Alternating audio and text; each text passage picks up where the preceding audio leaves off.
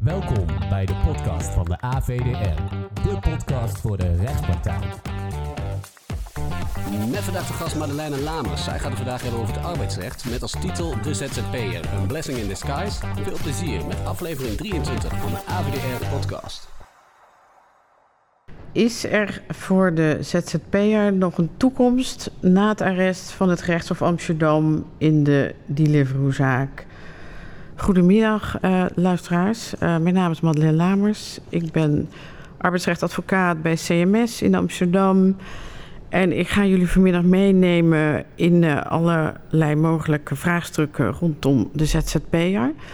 En dat doe ik eigenlijk aan de hand van het arrest van het Hof, zoals ik dat net al noemde, hier in Amsterdam.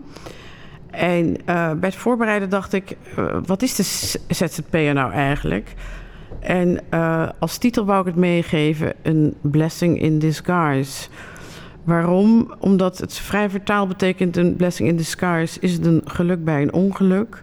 En geldt dat voor iedereen die op dit moment als ZZP'er werkt? En is het allemaal wel zo vrijwillig? Ik ontkom er natuurlijk niet aan om met jullie te bespreken wat de kenmerken van de arbeidsovereenkomst zijn. En uh, aan de hand daarvan gaan we kijken hoe het met de zelfstandigen zonder personeel zit. Nou, uh, iedereen die een beetje in het arbeidsrecht uh, betrokken is, maar ook iedere vrij ondernemer of ZZP'er zelf, is interessant om te horen wat nou eigenlijk de drie kernelementen zijn. Nou, het eerste element is dat je persoonlijk arbeid moet verrichten. Het tweede is dat je dat tegen loon doet. En de derde is dat je dat in dienst van doet. Of met andere woorden, dat er een gezagsrelatie bestaat tussen jou en je werkgever. Als dit laatst ontbreekt, en dat is, uh, als het goed is, de bedoeling bij de ZZP'er, dan, is het, uh, dan is er sprake van een vrij ondernemerschap. Maar de ZZP'er kent natuurlijk heel veel, uh, hoe moet ik dat nou zeggen, schakeringen. En eigenlijk moeten daar gewoon alle omstandigheden bij betrokken worden. Nou, dus de ZZP'er is, de definitie daarvan is de zelfstandige zonder personeel. kernelement is denk ik dat hij werkt voor eigen rekening en risico. En de voordelen zijn eigenlijk significant. Um, als je ZZP'er uh, bent, dan betaal je over de eerste, geloof ik, 32.000 euro inkomen die je verdient geen inkomstenbelasting. Je hebt heel veel vrijheid, je kunt je eigen tijd indelen. Uh, uh, wat er ook gunstig aan is, dat je vaak meer verdient dan iemand die hetzelfde werk doet in loondienst. Dat hangt natuurlijk heel erg vanaf wat dat zal zijn. En voordeel is natuurlijk ook dat je um, ook hele grote pauzes kunt inlassen in je werk. Je kunt zeggen, ik wil de zomermaanden niet werken, dan ga ik verder de hele winter door. Of nou, noem maar op. Degenen die ZZP'er zijn, die kunnen dat zelf heel goed invullen. En um, ja, die heeft natuurlijk ook een heleboel nadelen. Je bouwt geen pensioen op. Je hebt geen recht op sociale uitkeringen, geen WW, geen WIA, helemaal niks. Je moet zorgen voor je eigen verzekeringen. En wat wel een beetje politiek getint is, wat mij betreft, is natuurlijk dat de Nederlandse overheid, dat de schatkist ook heel veel geld misloopt. En um, ja, daar kun je van alles van vinden. Maar um, het is niet heel goed te verkopen dat als je als ZZP'er hetzelfde werk doet als een uh, werknemer in loondienst, dat jij dan veel beter uit zou zijn. Je ziet dat met name in. Um, uh, bij bedrijven, of sorry, bij, bij uh, hoe heet het, bij beroepen waar heel veel schaarste heerst. Ik kom daar straks nog even op terug. Nou, Nederland telt extreem veel, nou ja, ik zal het maar zeggen, noodgedwongen ZZP'ers. En de vraag die we ook vandaag gaan behandelen aan de hand van de Deliveroo-zaak is in hoeverre het instructierecht van de opdrachtgever verschilt van de gezagsrelatie van een werknemer. Dat is een hele interessante vraag waar ook heel veel jurisprudentie al over is. En dat ook, als, zoals ik al zei, toch wel een behoorlijke politieke lading kent. Nou, dan wil ik even met jullie doorlopen uh, wat er nou gebeurd is in de Deliveroo-zaak. Nou, de kranten hebben er volgens van gestaan. Nou, Deliveroo is een maaltijdbezorger in Nederland. Uh, ze zijn in juni 2015 gestart in Nederland. En uh, de slogan was eigenlijk lekker eten binnen een half uur bezorgd. Deliveroo is een van de snelst groeiende bedrijven van de wereld. Uh, ze uh, bezorgen in 500 steden uh, over de hele wereld maaltijden. Er zijn 60.000 riders actief voor Deliveroo en er zijn 80.000 restaurants aangesloten.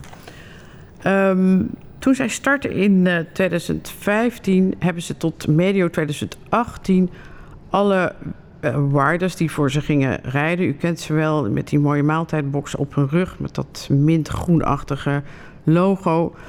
Uh, boden ze iedereen een arbeidsovereenkomst aan. Het was een min-max overeenkomst en de duur was 23 maanden maximaal.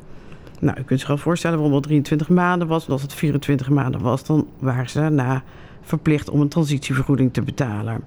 Er waren een heleboel huisregels. Uh, je moest één shift in het weekend doen, je moest één avondshift doen. En als je drie keer weigerde een shift te doen, dan kreeg je ontslag op staande voet. Kortom, nogal een strak regime. Je moest verplichte kleding en de thermobox van uh, Deliveroo uh, dragen. En uh, je hoefde alleen maar over een eigen iPhone of een tablet te beschikken. Bovendien was het je niet toegestaan om nog voor andere bezorgdiensten te werken. Nou, per 1 juli 2018 is het businessmodel van Deliveroo omgegooid en is er een opdrachtovereenkomst gekomen. Nou, er, er zijn, je ziet dat uh, in, de, in die Deliveroo-zaken dat ze, als ze aan het procederen zijn, dat ze iedere keer hun werkzaamheden een beetje aanpassen. Dus iedere keer er naartoe redeneren dat het toch wel echte ZZP'ers zijn. Nou, je kunt eigenlijk twee soorten opdrachtovereenkomsten krijgen bij die Deliveroo.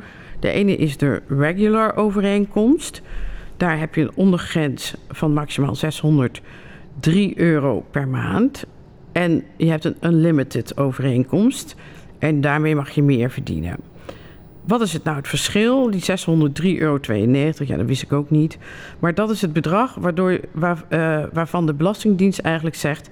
nou, dan ben je hobbymatig bezig. Dan hoef je geen btw af te dragen. Dat is zo, zo weinig, zo'n laag bedrag, daar doen we geen moeite voor. En bij de unlimited, je begrijpt het al... dus als je meer gaat verdienen, dan ben je verplicht btw af te dragen. Nou, hoe gaat nou het met de betaling uh, bij Deliveroo? Nou, het gaat zo dat je per afgeleverde bezorging betaal je. Er vindt een, het is een heel geavanceerd uh, factureringssysteem. Je verzorgt in ieder geval ja, niet je eigen factuur. Terwijl dat ja, in mijn ogen toch best wel iets is wat wel bij een zelfstandige behoort dat je je eigen facturen stuurt. Nee, dat hoeft allemaal niet. Deliveroo houdt ook de grenzen in de gaten. Dus als dat volledige bedrag, hè, stel je bent op dat kleine contract werkzaam en dat hele bedrag is opgemaakt in een maand, dan ben je uitgesloten van nog meer ritten maken. Nou, uh, Deliveroo heeft ook een app voor bezorgers en dat is een soort self-service booking tool en dat noemen ze de free login systeem. Dat is eigenlijk ook ontstaan. Dat hebben ze, daar hebben ze heel veel geld, tijd en moeite in, in gestopt, begrijpen we uit de gepubliceerde rechtspraak. Um, dat geeft de mensen heel veel vrijheid. Je kunt niet meer tijdslots reserveren waarop je wil bezorgen.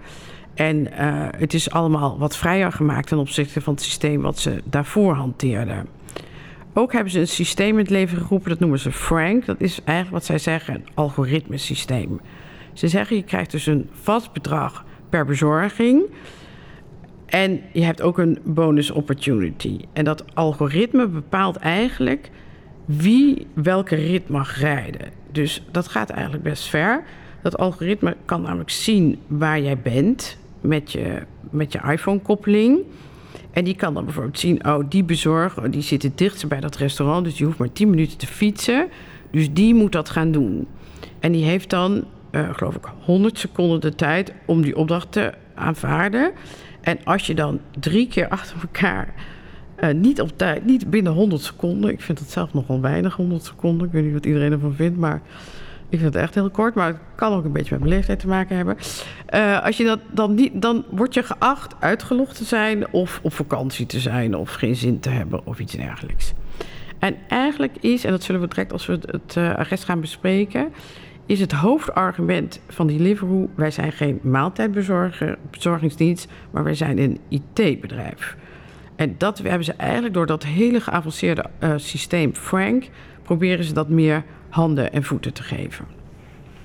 Nou, dat zijn eigenlijk de, een beetje de feiten uh, waar het Hof zich over diende uit te laten. En de eerste plaats heeft het Hof zich uitgelaten over de ontvankelijkheid van de FNV als procespartij. Ik ga daar niet heel lang bij stilstaan, maar dat staat in, uh, in, in, in artikel 305 ABW geregeld. En de vraag was of ze ontvankelijk waren. Nou, iedereen weet dat de FNV in de statuten heeft staan de belangenbehartiging van alle werkenden. En um, nou, je ziet wel vaker dat in procedures uh, werkgevers die daar niet van gediend zijn, dat ze door de FNV worden aangesproken. Vaak zeggen ze: We hebben ook helemaal geen organisatie gehad en waar bemoeien jullie je mee?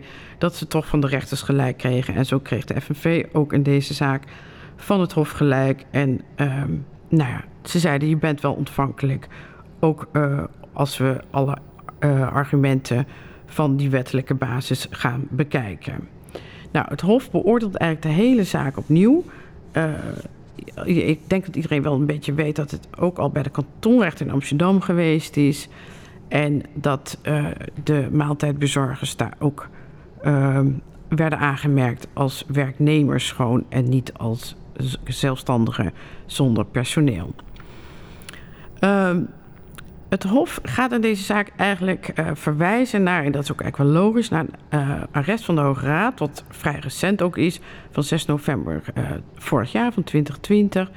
En dat arrest is dan genaamd X, dat is de, man, de, de werknemster gemeente Amsterdam. En ehm, dat heeft best wel veel aandacht gekregen, dat arrest, omdat de Raad daar gezegd heeft.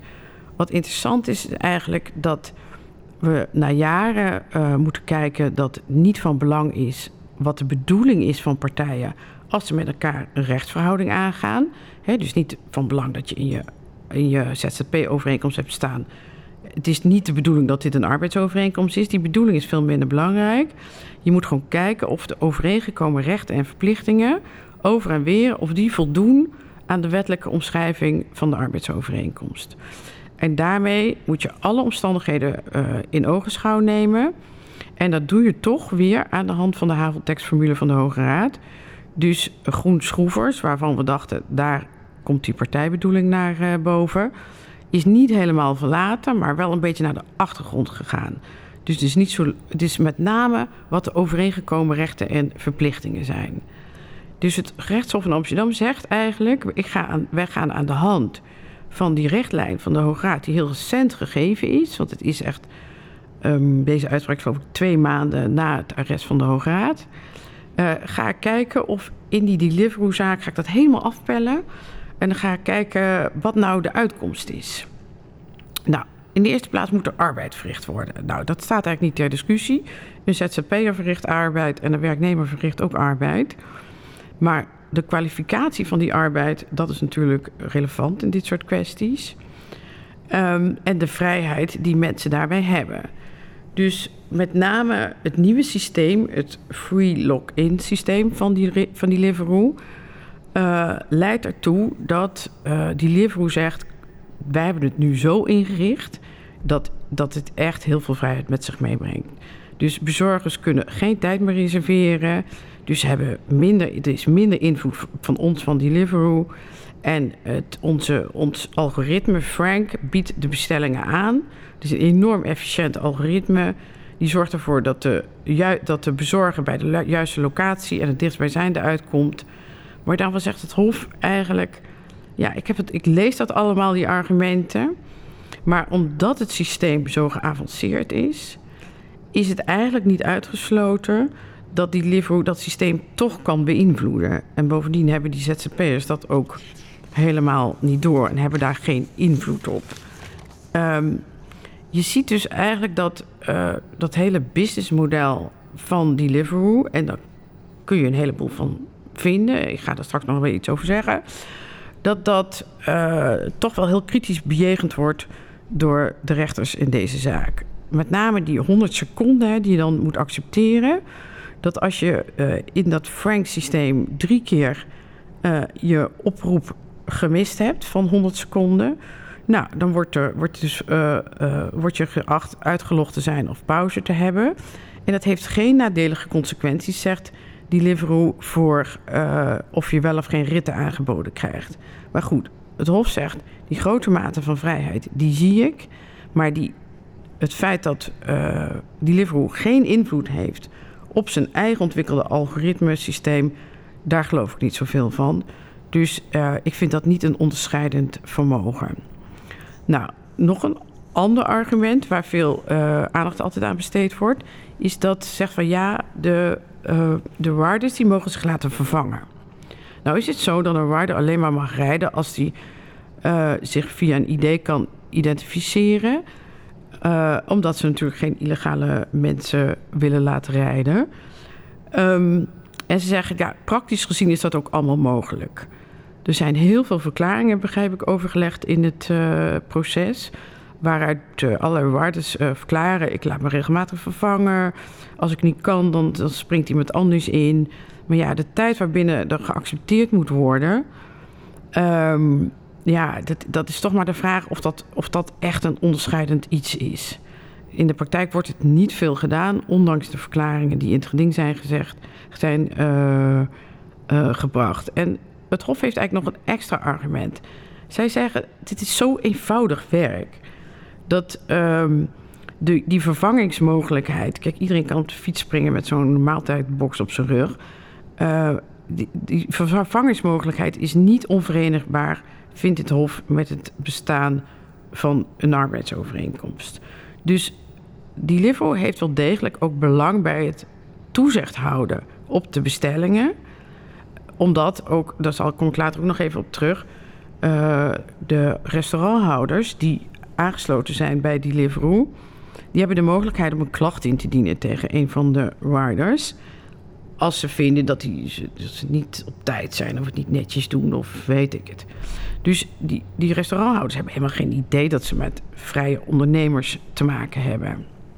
Nou, het meest voor de hand liggende uh, uh, criterium, wat ook nog natuurlijk altijd ter, ter bespra sprake komt, is het loon.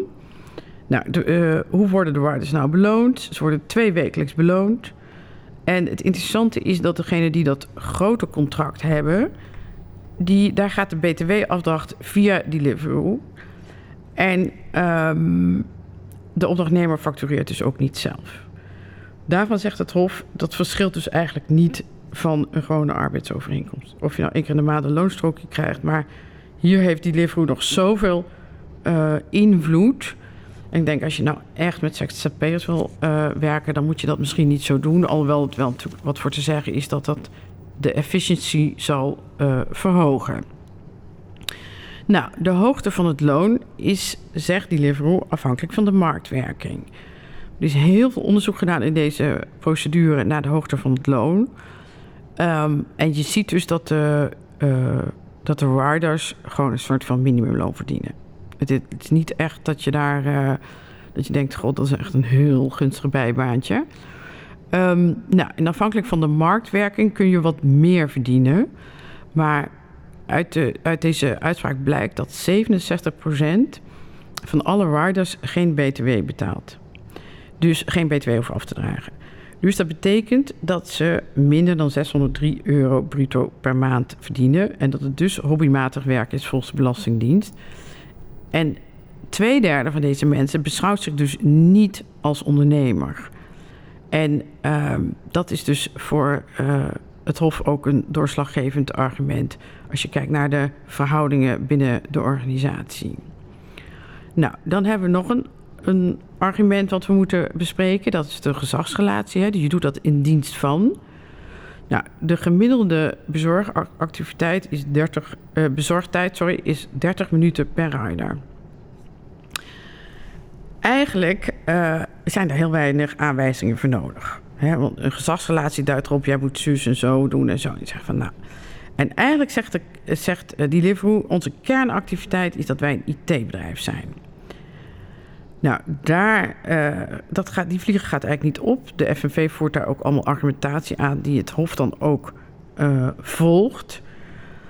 Um, met name uh, dat, dat er een eenzijdige wijziging uh, mogelijk is uh, voor, um, voor de bestellingen. Dat ze kunnen zeggen, dit moet anders. Nou, dus ze hebben een verregaande mate van controle via dat GPS-systeem, via dat Frank-systeem op de bezorger. En dat legt, zegt de vakbond, druk op die bezorgers. Je wordt dus heel erg gevolgd. Nou, word je natuurlijk door van alles gevolgd in Nederland. Maar uh, als je werkgever je overal kan volgen middels dat systeem, dan is maar de, de vraag: hoe vrij ben je eigenlijk? Um, ze zeggen ook, sinds we dat free login systeem heeft, hebben, zegt de FNV, wordt er door veel meer bonussen uitgekeerd. Dat duidt, dat is een aanwijzing, zegt de FNV, dat er sprake is van een gezagsrelatie.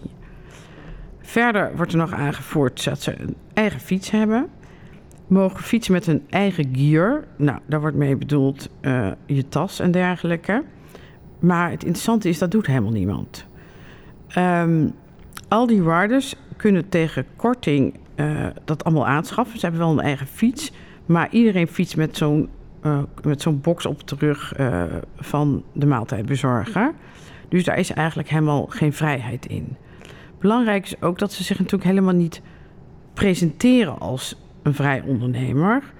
En zoals ik zojuist ook al zei, is het wel van belang dat je daarbij in acht neemt dat de restauranthouders gewoon klachten kunnen indienen tegen de riders. En dat die restauranthouders, ja, die zitten te wachten met die maaltijden totdat die bezorger komt. Dan gaat die box in. En dat zijn gewoon in hun ogen die Deliveroo mensen.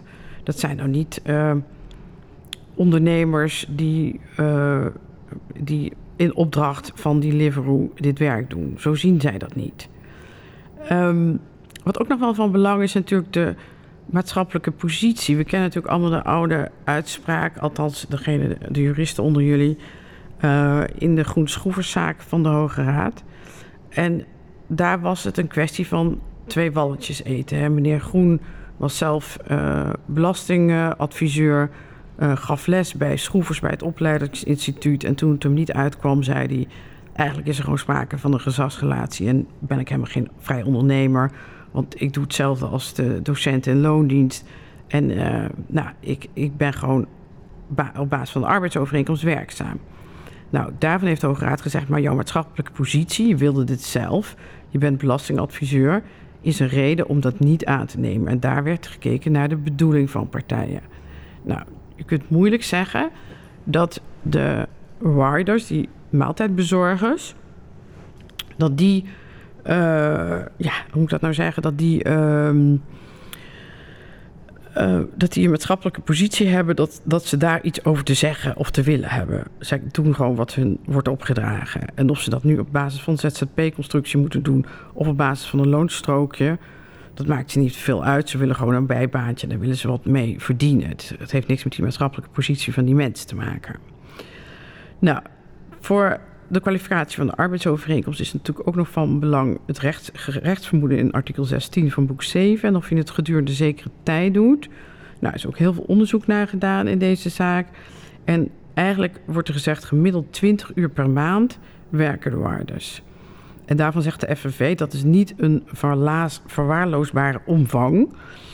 En um, dus met andere woorden, daar moet wel degelijk rekening mee worden gehouden. Verder heb je nog een heleboel overige omstandigheden. Waaronder het feit dat er voor de warders een ongevallenverzekering wordt afgesloten door Deliveroo. En dat die ongevallenverzekering tevens een vergoeding kent voor gederfde inkomsten. Dat duidt volgens het Hof op een arbeidsovereenkomst. Daarbij komt, en dan wordt weer het argument van de FNV gevolgd, dat het inkomen eigenlijk te laag is om zelf een aansprakelijkheidsverzekering af te sluiten.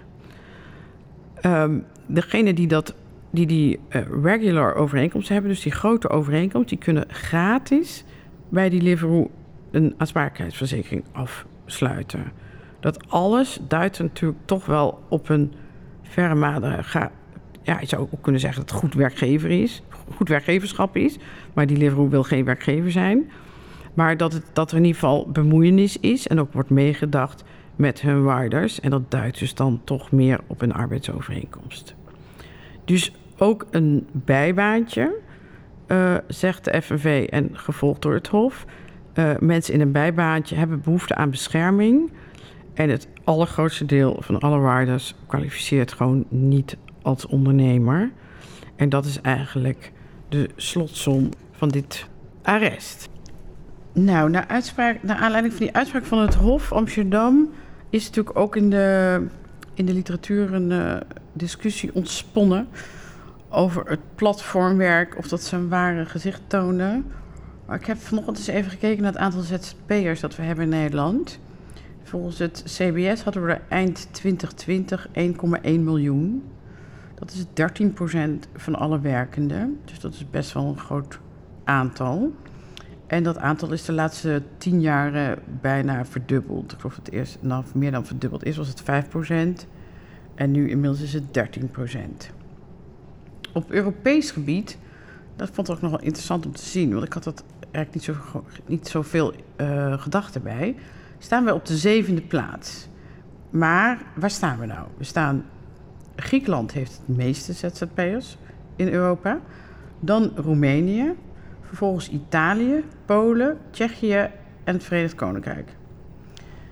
Um, en als uitleg staat daarbij dat uh, ook met name agrarische landen, in verband met agrariërs die ook vaak als ZZP'er uh, in die landen werken, dat aantal zo hoog is. Maar het is nou niet een heel benijdenswaardig rijtje, laat ik het zo zeggen. Um, want je ziet landen waarmee wij ons qua welvaart uh, kunnen meten, of willen meten misschien ook wel. Denemarken, Duitsland, Zweden en Luxemburg. Die staan helemaal onderaan. Die hebben nog geen 5% ZZP'ers. Dus ik vind dat wel toch wel interessant om te zien van hoe is dat nou zo gekomen in Nederland? Nou, ik heb er ook helemaal geen onderzoek naar gedaan, maar daar wordt wel natuurlijk onderzoek naar gedaan. Maar het is wel interessant om te zien. En uh, naar aanleiding van een noot uh, van die, in dit arrest door mevrouw Laagland, of Femke Laagland, zegt ze ook eigenlijk. In Spanje, Frankrijk en het Verenigd Koninkrijk is al bepaald dat platformwerk niet kan op basis van zelfstandige constructie. Maar wat doen al die, uh, al die organisatoren van dat platformwerk? We hebben dus in uh, het VK, het Verenigd Koninkrijk, een uitspraak gehad over Uber. Kijk, in het Verenigd Koninkrijk heb je een tussenvorm. Daar heb je, wij hebben uh, mensen in loondienst of zelfstandigen, maar daar hebben ze een tussenvorm en dat heet de worker. En uh, daar is gezegd, alle mensen die bij Uber werken en bij, bij maaltijdbezorgers en zo, dat zijn workers. Dus daar is enige vorm van geslachtsrelatie. Dus die hebben bescherming op basis van, de, van een arbeidsovereenkomst, maar dat zit daar allemaal iets anders in elkaar. Maar terecht zegt, zegt zij, wat Uber ook heeft gedaan in die zaak, is dat ze zeggen: op het moment dat die uitspraak komt van, de, uh, van het Engelse Supreme Court, de dag daarna zeggen ze al nu hebben we hebben onze werkzaamheden aangepast. We hebben nu een nieuw algoritme, we hebben een nieuw systeem. En we hoeven ons dus niet meer aan, uh, aan de uitspraak van het Supreme Court te houden. En mevrouw Laagland constateert eigenlijk dat, we in, dat in Nederland Deliveroo zich een beetje van dezelfde tactiek uh, bedient. Door na de uitspraak van, die kanton, van de kantonrechter in Amsterdam. Uh, ja, het eenvoudiger te maken voor maaltijdbezorgers om opdrachten te weigeren. Eerst, hè, dat hebben we straks besproken, kreeg je naar, uh, als je drie keer er eentje geweigerd had, kreeg je ontslag op staande voet. Maar nu, als je niet drie keer snel reageert, dan word je geacht niet ingelogd te zijn. Dus dat is wel echt een hele andere manier. En het, ze hebben ook echt kosten nog moeite gespaard om het allemaal wat vrijer te laten zijn. Maar de vraag is of dat helpt. Um, nou, en in Spanje hebben ze, uh, hebben ze er denk ik iets op gevonden. Ze hebben gezegd van, joh, we gaan niet afwachten tot uh, onze hoogste rechter er iets van vindt. We gaan gewoon uh, met sociale partners aan tafel zitten en kijken hoe we dit probleem kunnen gaan oplossen. En het zou in Nederland natuurlijk eigenlijk ook wel goed zijn als ze dat voor dit, deze toch wel grote groep mensen doen. Terwijl we natuurlijk niet, uit de, niet moeten vergeten dat er ook een heleboel echte ZZP'ers zijn. Ik las een stukje van Verhulp uh, in de Volkskrant naar aanleiding uh, van deze uitspraak. En die zegt, ja, wat vinden we daar nou van? Eigenlijk zou het beter zijn als de wetgever er iets tegen zou doen.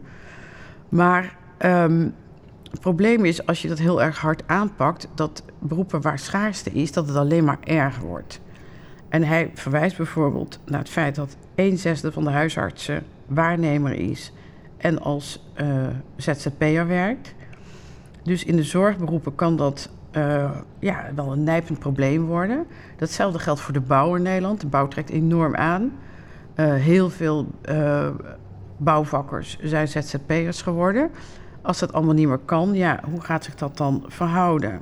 Datzelfde geldt ook voor ja, operatiekamerverpleegsters, noem maar op. Mensen die vroeger allemaal in loondienst waren en die inmiddels het prima vinden om ZZP'er te zijn. En waarom vinden ze dat prima? Omdat er sprake is van schaarste. Zo gauw er geen schaarste is, uh, is de noodzaak om ZZP'er te worden uh, veel geringer. Want uh, als, je toch altijd aan, als je toch altijd aan het werk kan, dan, dan maakt het ook niet zoveel uit als je geen sociaal vangnet heeft, hebt.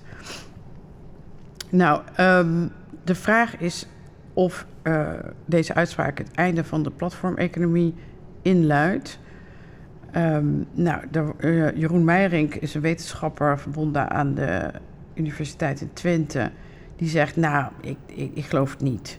Het gaat nu in de Hoge Raad voorgelegd worden en we zijn ook wel heel benieuwd wat die gaan doen. Maar ik beschouw het meer een kat-en-muisspel met de vakbonden. En de kwalificatievraag die eigenlijk geldt bij ZZP'ers, en dat noemen ze, zeg zo, noemen ze ook wel de holistische weging. Je moet kijken naar het totaalplaatje. Um, uh, blijft natuurlijk toch altijd voor meerdere interpretatie vatbaar. Maar wat zijn nou de belangrijke indicatoren van vrij ondernemerschap? Is, nou, in de eerste plaats dat je als, als vrij ondernemer moet investeren in je eigen bedrijfsmiddelen. Dat je een ondernemersrisico loopt. Dus dat je het risico loopt dat je niet betaald wordt, is het eigenlijk. Hè? Ik zeg altijd, als je, als, als je, als je geen ondernemersrisico loopt, uh, dan ben je eigenlijk ook geen vrij ondernemer. Dus als je, je factureert zelf en je loopt het risico dat je niet betaald wordt, of omdat je je werk niet goed hebt gedaan, of omdat het bedrijf failliet gaat, of weet ik veel. En uh, nou ja, dat is het lopen van ondernemersrisico. Nou, dan het ontbreken van de zeggenschap over de wijze waarop je je werk uitvoert. Ik denk dat dat voor de echte ZZP'ers die we nog genoeg in Nederland hebben, echt geldt. Kijk naar artiesten, naar uh, journalisten, naar kunstenaars. Die bepalen zelf uh, wat ze doen met de opdracht, hoe ze het uitvoeren. En die werken vaak ook voor meerdere opdrachtgevers. Zij mogen zich vaak ook laten vervangen. Nou, dat kan natuurlijk niet in, in iedere situatie. Maar dat mag dan, als ze dat overeenkomen, zonder toestemming. Dus kortom, er zijn eigenlijk uh, een heleboel indicatoren die wijzen op vrij ondernemerschap. Terwijl uh, dat als je dat nou, als je eerlijk bent en je kijkt naar de riders van Deliveroo, die hebben dat natuurlijk allemaal niet. Die, die hebben geen meerdere opdrachtgevers. Die kunnen zich eigenlijk heel slecht laten vervangen, omdat het werk dat niet toelaat. Ze hoeven geen investeringen te doen in hun bedrijfsmiddelen. Ze lopen geen ondernemersrisico. Alles wordt geregeld via Deliveroo. Ze factureren niet eens zelf. En er is ook niet over de wijze waarop ze moeten bezorgen dat ze dat helemaal zelf mogen invullen. Ze mogen niet lopend doen of weet ik het, of, of hun moeder sturen of nou weet ik het. Dus ja, het is allemaal een beetje ver gezocht. Uh, die, ook die maatschappelijke positie van ZZP'ers, daar wordt wel een heleboel uh, uh, aandacht aan besteed. En dat is denk ik wel terecht. een belangrijk onderscheidend vermogen is verder nog of de werkzaamheden eigenlijk behoren tot de normale bedrijfsarbeid van de opdrachtgever. Dat is eigenlijk ook al een indicator dat je niet echt zelfstandige bent. Nou, ik heb nog heel even gekeken naar een uh, noot van Hartlief in het NJB. En hij zegt het ook, die delivery mensen, dat is natuurlijk maar schijn zelfstandigheid. Die partijbedoeling is helemaal niet relevant. Want die warders die hebben eigenlijk helemaal geen bedoeling, behalve omdat ze gewoon een zakcentje willen uh, verdienen. En er ligt nu eigenlijk een, uh, een opening voor de Hoge Raad om het gezagscriterium te moderniseren. En uh, ja, verder wordt ook gezegd dat de politiek het eigenlijk niet moet laten liggen. Maar gezien ons demissionair kabinet uh, hebben we daar weinig vertrouwen in. Luisteraars, ik wil graag komen tot een afronding. Um, ik denk dat de ZZP'er een blessing in disguise is. Ik denk dat het voor velen geen zegen is, maar voor een groot aantal wel. Voor wat uh, de platformmedewerkers betreft, denk ik dat het zeker een zegen is uh, hoe het rechtshof zich heeft uitgelaten.